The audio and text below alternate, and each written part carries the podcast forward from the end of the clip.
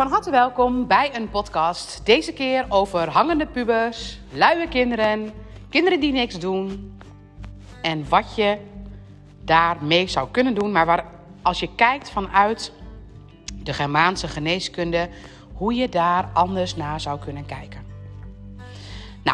Ik heb in een vorige podcast, het was osteoporose. En wellicht denk je van ja, maar die heb ik nog niet geluisterd. Want het was helemaal geen affiniteit had ik daarmee.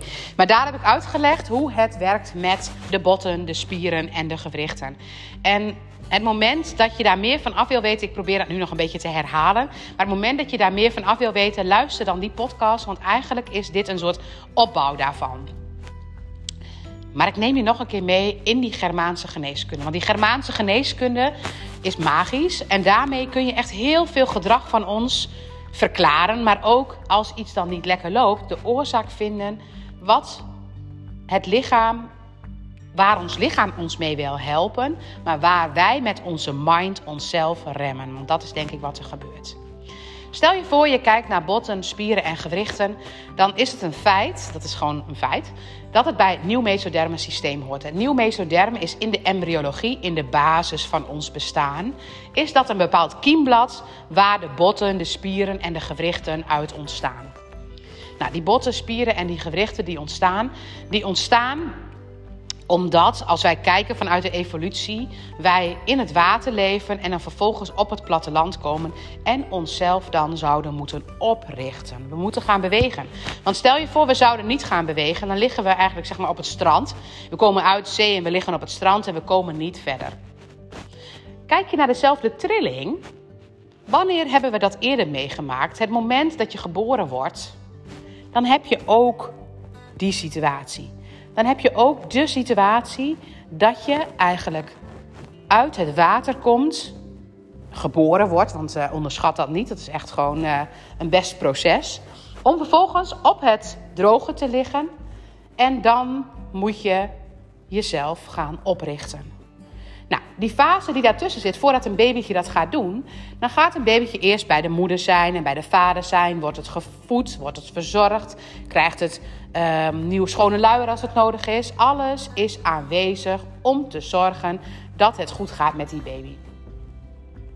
Als vanzelf, als die baby in veiligheid is, het gaat goed, het kan zich ontspannen, hij wordt er blij van, dan gaat hij als vanzelf langzaam steeds meer contact maken, lachjes laten zien, hehe, dit is ook oké.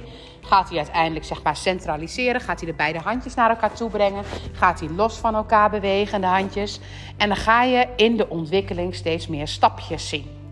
En die stapjes gaan uiteindelijk tot rollen, tijgeren, kruipen en uiteindelijk tot lopen. Eigenlijk is dat dus het proces wat in de evolutie nodig is om jezelf op te richten. En oprichten, je spieren en je botten en je gerichten gebruiken, dat gaat over jezelf het waard voelen, jezelf oprichten. Wat zou ik bij veel mensen willen dat ze zich meer zouden oprichten? Kom op, laat je toch zien. Kom op. Dat zou ik heel vaak willen zeggen. Maar het moment dat ik dat zeg, wat er met dat vlies gebeurt, het moment dat jij een kind zegt van jij moet nu gaan rollen, want jij rolt nog niet goed. Nou kan een babytje dat gelukkig niet goed horen. Maar als een babytje dat gevoel heeft dat hij dat niet goed doet, als vanzelf verzwakt het babytje. Want dat is wat er gebeurt. Het moment dat ik mij minder waard voel, dan verzwak ik. Als ik nu denk, oh, dat heb ik fout gedaan, voel gewoon eens in het lichaam wat dat doet. En dat maakt gelijk in het lijf, in de botten en de spieren en gewrichten, kleine gaatjes. Want het hoort bij celafname wat er dan gebeurt. Letterlijk gebeurt dat in het lichaam. Als ik dan het gevoel heb dat ik me weer waard ben, ga ik mezelf weer oprichten. Dan kan ik soms wel wat spierpijn krijgen, maar uiteindelijk ben ik daarna sterker. Je moet je voorstellen, je gaat naar de sportschool. En bij die sportschool ga je oefeningen voor je armen doen. En als je dat aan het doen bent, dan denk je, oh poeh, dat is wel pittig zeg. En als het pittig is, dan maakt je lichaam microtraumata op de plekken van die spiercellen. En dat is helemaal oké, want het is een goede belastbaarheid, belasting, zeg maar. En het moment dat je dat stukje hebt gedaan, dan ga je daarna, als je weer thuis bent, het gevoel hebben van poeh, ik heb ook echt wel wat gedaan. Maar als je er een lekker gevoel bij hebt, dan gaat het daarna sterker worden. En de volgende keer als je daar weer heen gaat, dan denk je, nou, het gaat toch wat makkelijker. En zo bouwt het lichaam dat op. En stel je voor, bij die sportschool ga ik veel te veel doen. Dan gaat het pijn, de pijn die ik na afloop heb, ook meer zijn. hoe meer ik doe, hoe meer pijn. En als ik zwaar over mijn kunnen heen ga, dan ga ik dus veel meer klachten in het lijf krijgen. Hoe zwakker ik mij voel, hoe zwakker ik denk dat ik ben. Dus als ik bijvoorbeeld die oefening aan het doen ben met die schouder. En ik heb twee Willemijnen. En de ene Willemijn is het aan het doen. En die denkt, oh, ik ben echt super zwak. Zeg, jeetje, wat kan ik dat niet goed.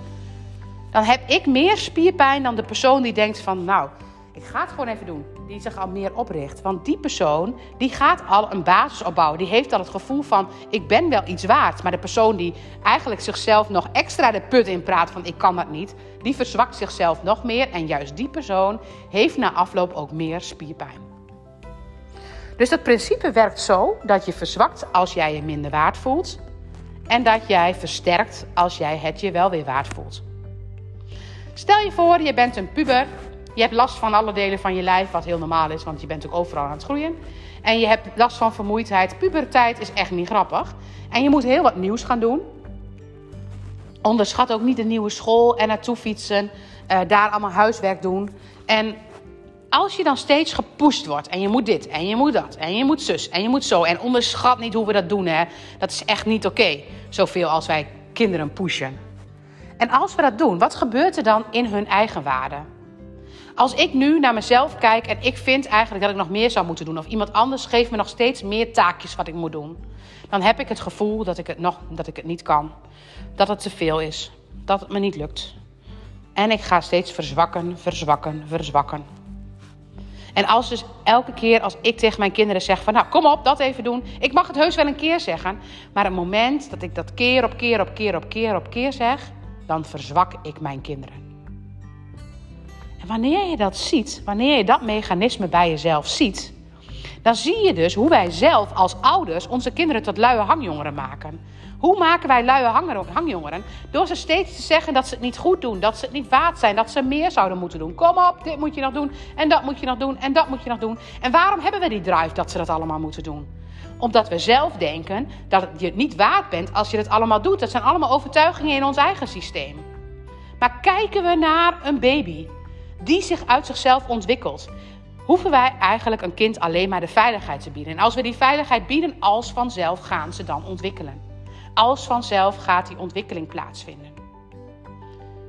Dus als je weet en beseft dat echt letterlijk in het lichaam er gaten vallen in het bindweefsel, in de spieren, in de botten. Echt gaten moet je niet meteen enorme dingen. Ik heb altijd een beeld, zeg maar, en dan moet je niet meteen enorme gaten voorstellen. Maar als je dat weet dat het zo werkt, wat zou jij dan kunnen doen om te zorgen dat jouw kind sterk blijft? Dat je kind zich fijn voelt?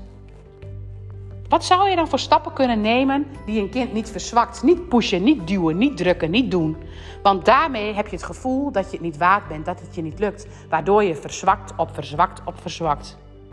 Hoe zou je je kind het gevoel geven dat hij het wel waard is en dat hij uit zichzelf weer stappen gaat nemen om zichzelf te versterken? Uit zichzelf. Want dat zijn de beste stappen die je zou kunnen nemen. Nou, ik hoop dat ik met deze podcast heb kunnen uitleggen wat ik bedoel met het pushen, het drukken en het duwen. En Mocht je daar vragen over hebben, mag je altijd een mailtje sturen. Want ik zou het niks liever willen dan dat iedereen dit gaat begrijpen. Alleen het is best moeilijk om het uit te leggen, omdat het Germaanse geneeskunde is en daar een heel verhaal achter zit. Maar mocht je daarin geïnteresseerd zijn, stuur me dan ook een mail dat jij die opleiding wel wilt doen om dit te begrijpen. Want dit zijn echt basisprocessen in het leven waar wij naar zouden mogen kijken. Want als je dit begrijpt, dan kun je veel meer leven in vertrouwen. Dankjewel voor het luisteren.